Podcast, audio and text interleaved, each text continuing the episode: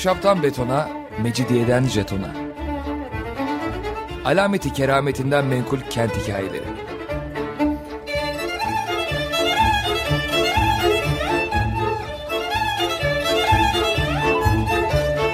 Hazırlayan ve sunan Pınar Erkan.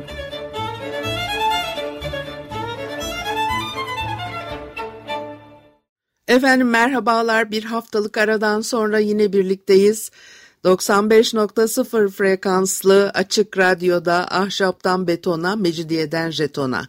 Tam şu anda başlamış bulunmakta. Anlatıcınız ben Pınar Erkan. Elektronik posta adresim pinarerkan.yahoo.co.uk e, Bugün Osmanlı'nın son dönemlerinde e, ülkeye gelen krallar, e, ziyaretçiler e, nasıl karşılanmışlar, neler olmuş bir parçada onlara ikram edilen yemekler, kurulan sofralar ne koşullarda hazırlanmış. E, e, Sultan Reşat döneminin ilk e, ziyaretçileri Bulgar ve Sırp e, kralları oluyorlar. O da nasıl? E, İkinci Abdülhamit içte ve dışta ciddi sorunlar yaşamaya başlayınca bir de e, 1909 e, senesinde o 31 Mart e, olayı söz konusu. Arkasından da 2. Abdülhamit tahttan indiriliyor ve onun arkasından Sultan Mehmet Reşat e, başa e, e, geliyor. Çok sıkıntılı dönemler bu dönemler. Sultan Reşat döneminin ziyaretçileri Bulgar ve Sırp kralları o nasıl ağırlanacaklar? Şimdi Bulgaristan'ın bağımsızlığının ilan edilmesi e, tabii bir şok e, yaratıyor. E, kamuoyunda ciddi e, e, tepkiler oluyor, bir üzüntü e, yaratıyor ve Osmanlı yönetimi ilk başta o gelişmeleri e, protesto etmiş ama ondan sonra 19 Nisan 1909'da e, Bulgaristan Krallığı'nı resmen e, tanıyor. E, Bulgaristan Kralı Ferdinand önce Sırbistan'a e, gidecek arkasından da e, Rus çarına bir e, e, ziyaret yapıyor. Sonra da İstanbul'a geleceği haberleri büyük bir şaşkınlıkla aslında karşılanmış. O dönemin Tanin gazetesi başyazarı Hüseyin Cahit e, diyor ki bundan bir yıl önce Balkanlardaki durumu iyi bilen birisine bu tarihlerde İstanbul'a Bulgar kralının geleceği söylenseydi böyle bir şeyi kesinlikle ihtimal e, vermezdi diyor. E, bu işte aniden ortaya çıkan o gezinin nedenleri tartışılıyor filan.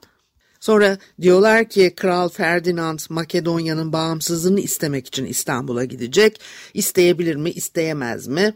Yine Hüseyin Cahit e, yazıyor. Böyle bir şeyi e, isteyemezler.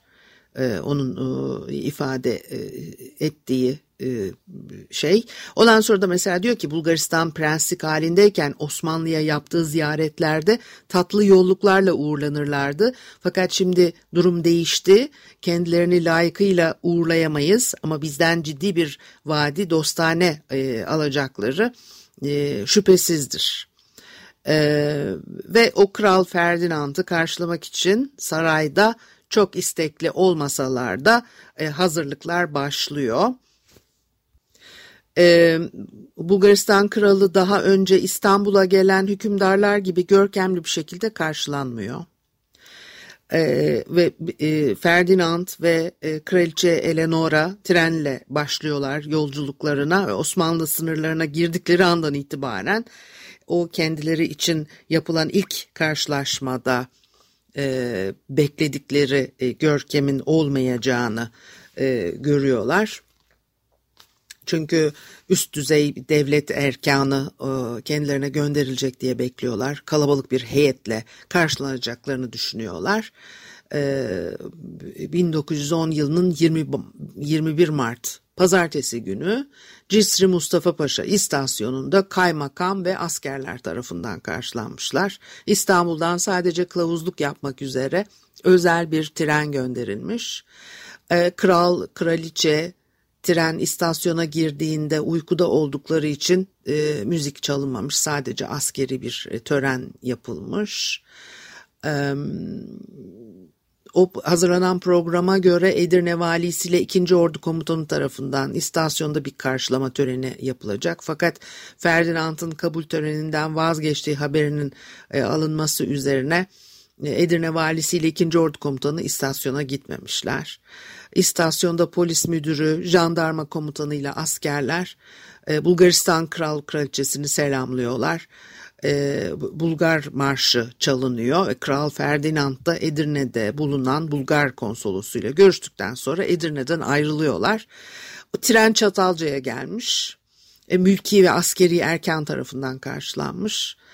Ee, İstanbul'dan Ferdinand'ı karşılamak için Çatalca'ya gelen heyet de Çatalca istasyonunda bekliyormuş. Ee, o heyetin içinde de kral kraliçeye mihmandarlık edecek paşalar İstanbul'da ki e, Bulgaristan sefiri, Osmanlı'nın Sofya sefiri Asım Bey varmış.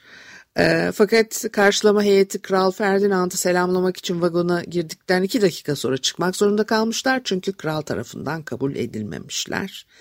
Öyle gergin bir şekilde başlayan bir yolculuk oluyor bu.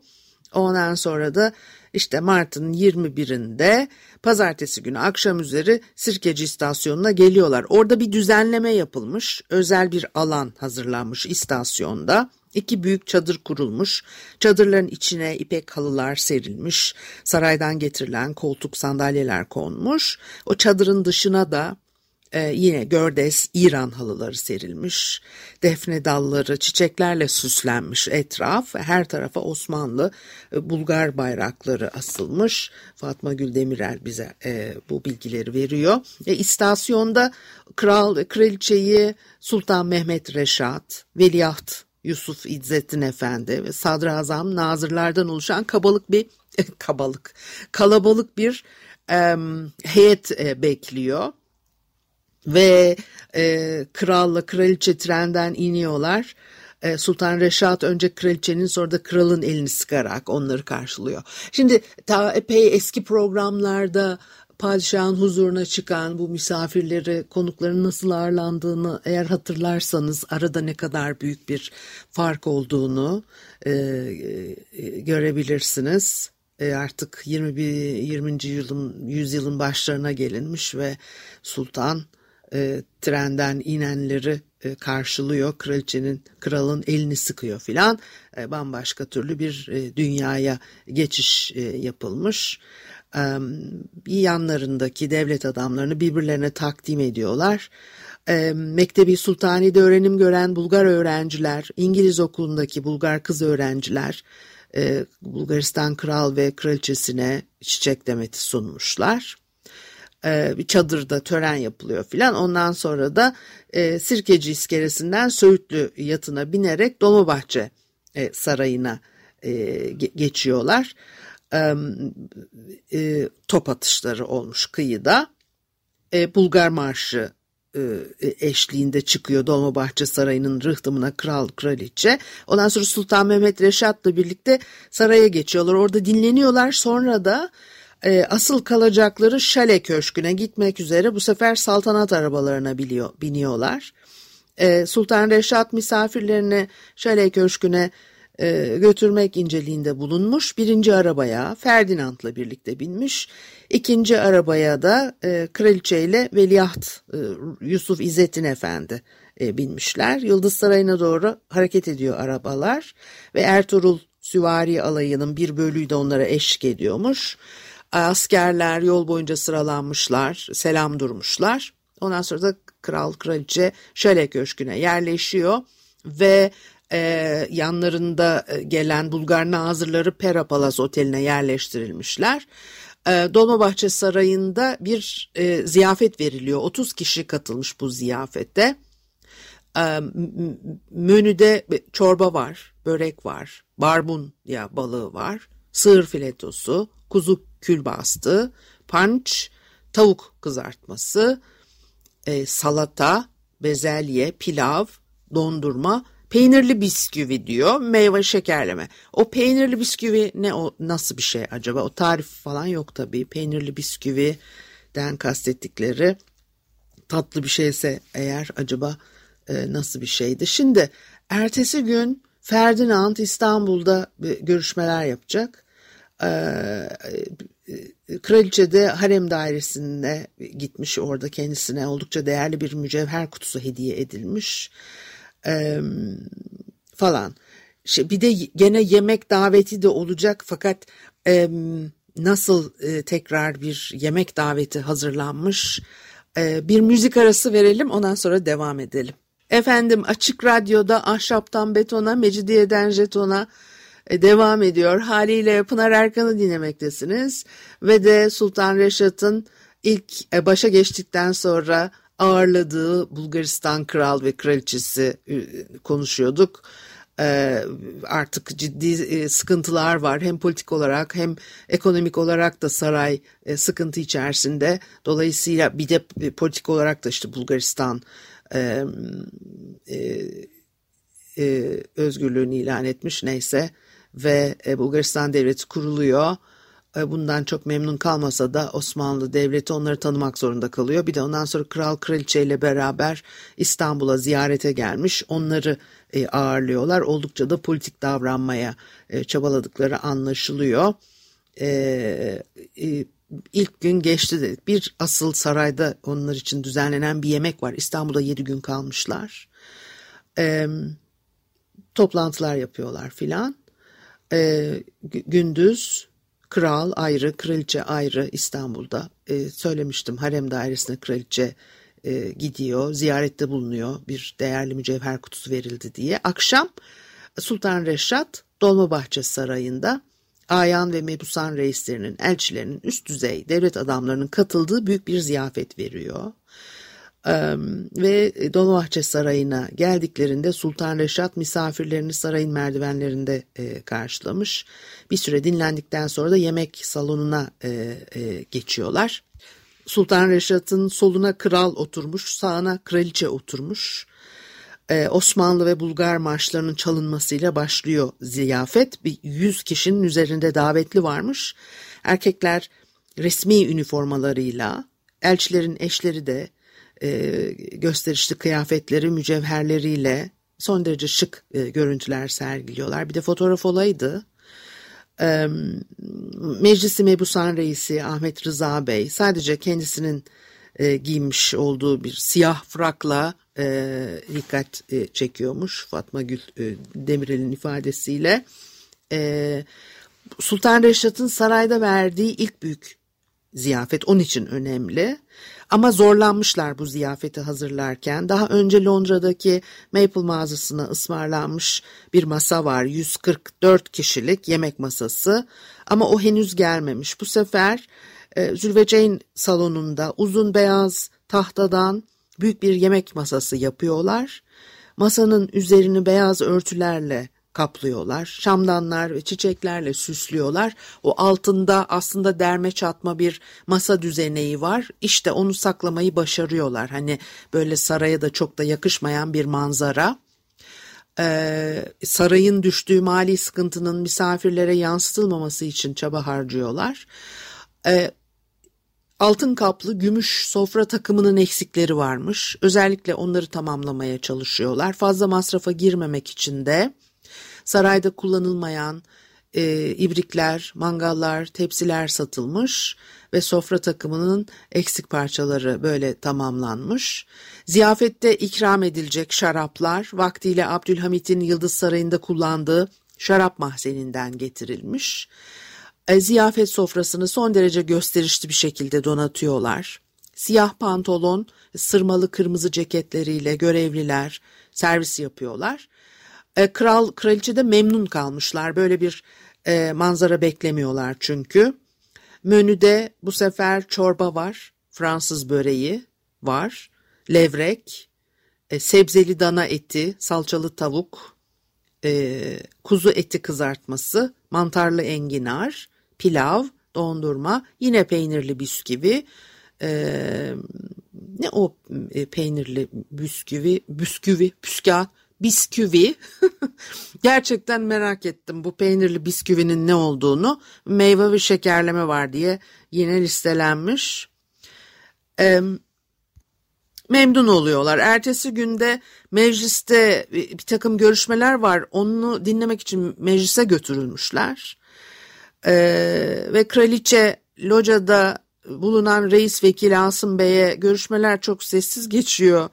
Ee, bizde böyle olmaz ee, ne kadar enteresan filan diye fikrini belirtmiş. Asım Bey de kral kraliçe var diye e, görüşmelerin e, sakin geçtiğini aslında tartışmaların hiç eksik olmadığını söylemiş. Ee, yine e, misafirlere şeker, şerbet ikram ediliyor. Kral ve kraliçe e, ayrılıyorlar meclis mebusandan. E, bir öğle yemeği bu sefer Sultan Reşat Şale Köşkü'nde e, vermiş.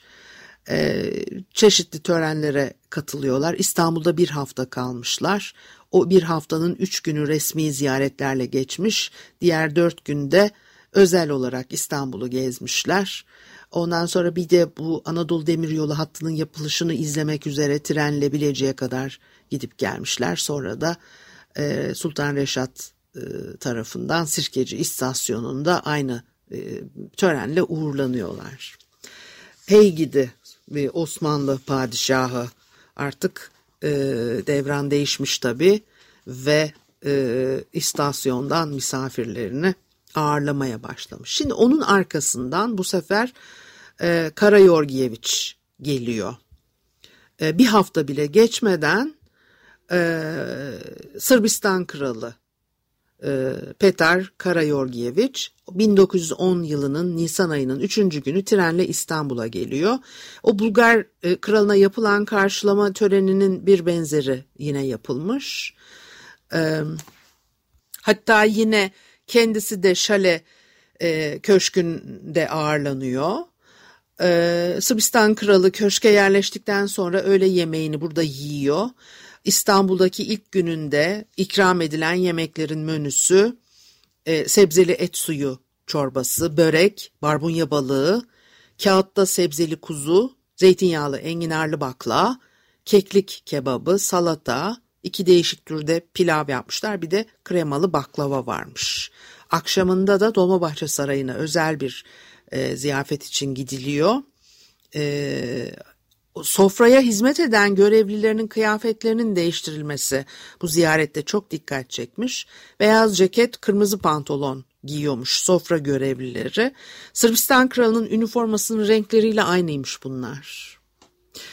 E, türlü çeşit espriye sebebiyet verecek bir şey tabii. Yemekten sonra Sırbistan'ın Dışişleri Bakanı bu benzerliği merak edip o dönemin e, Mabey'in başkatiplik e, görevini üstlenen Halit Ziya Uşaklıgil e, ara ara sizlere e, bu görevdeyken e, anılarını da aktardım geçmişte. Diyor ki görüyorsunuz ki saray hademesi beyaz ve kırmızı giymişler. Kralın renkleri de bu. Acaba aynı renkler özellikle mi seçildi diye sormuş. Alınmışlar muhtemelen. E, Halit Ziya da şöyle söylüyor. O renkler meşrutiyet Türkiye'sinin seçtiği renklerdir. Gördüğünüz kıyafetler de yeni padişahın tahta çıkışından sonra yaptırılmıştır. Bunların kral hazretlerinin renkleriyle uygun düşmesi güzel bir tesadüfün neticesidir diye böyle bir incelikli yanıt veriyor ve e, kabulde görmüş bu açıklama herhalde. Yine bir e, ziyafet var menüsü tavuk çorbası aynı şekilde börek, salçalı barbunya, mantarlı kıraça filetosu, soğuk hindi, gene panç var, dana filetosu, e, salata, taze fasulye, pilav, dondurma. Aslında çok basit. Yani o gene peynirli bisküvi burada da var. O e, oldukça basit bir e, yemek e, e menüsü hazırlamışlar. E, sonra da yine Sultan Reşat e, Şale Köşkü'ne davet edilerek bir öğle yemeği ziyafeti e, veriliyor. E, bir e, e, hikaye geçiyor burada. Dönemin Mebusan reisi Ahmet Rıza Bey anılarında anlatmış. Ziyafete Ayan reisi gelmemişti. Ben padişahın sağ tarafına tesadüf ettim. Kadehlere şaraplar dolduruluyordu. Hürmeten içmiyordum. Padişah yavaşça yuvarlayıver dedi. Ben de sağlığına içtim. Yemekten sonra Hürriyet Ebediye Tepesi'ne giderek askeri geçit töreni yine seyredilmiş. Aynı Bulgarlara ne yaptılarsa aynısını e, bu abiye de yapıyorlar. E, yine e, Sırp kralı da İstanbul'da bir hafta kalmış. e, çeşitli paşaları konaklarında ziyaret etmiş, Patrikhane'yi ziyaret etmiş. Ondan sonra da Ertuğrul yatıyla Aynoraz'a gitmek üzere e, İstanbul'dan ayrılmış. E, Sırp ve Bulgar, e, Bulgar krallarının İstanbul ziyaretlerinde saray iki tarafa da eşit mesafede durmaya özen gösteriyor. Hatta her ikisine de aynı mihmandarlar tayin edilmiş, aynı tören programı uygulanmış. Fakat İstanbul halkı Bulgar kralına çok ilgi göstermemiş. Ayrıca Sultan Reşat'ın da Bulgar kralından pek hoşlanmadığı sarayın baş mabeyincisi Lütfi Simavi Bey'in anlattıklarından anlaşılıyor.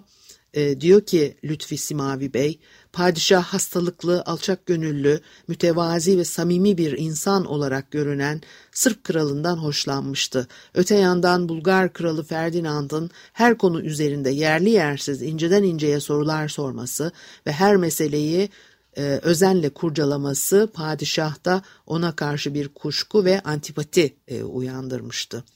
E, sonuç olarak da e, Bulgar Sırp krallarının arka arkaya İstanbul'a gelişleri yani e, iki komşu ülkenin basit bir dostluk ziyareti olarak değerlendirilmiyor.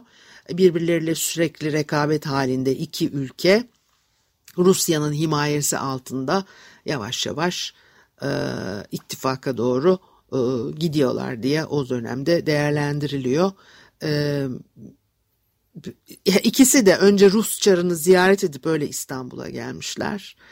E, her iki ziyarette Balkan Savaşları öncesinde Osmanlı'nın içinde bulunduğu durumu, özellikle ordunun durumunu yakından görmek için atılan adımlardı diye ifade ediyor bunu Fatma Gül Demirel e, tam bu zamanlarda e, enteresan e, olabilir e, diye düşünerek sizinle paylaşmak istedim. Haftaya görüşene kadar hoşçakalın diyorum.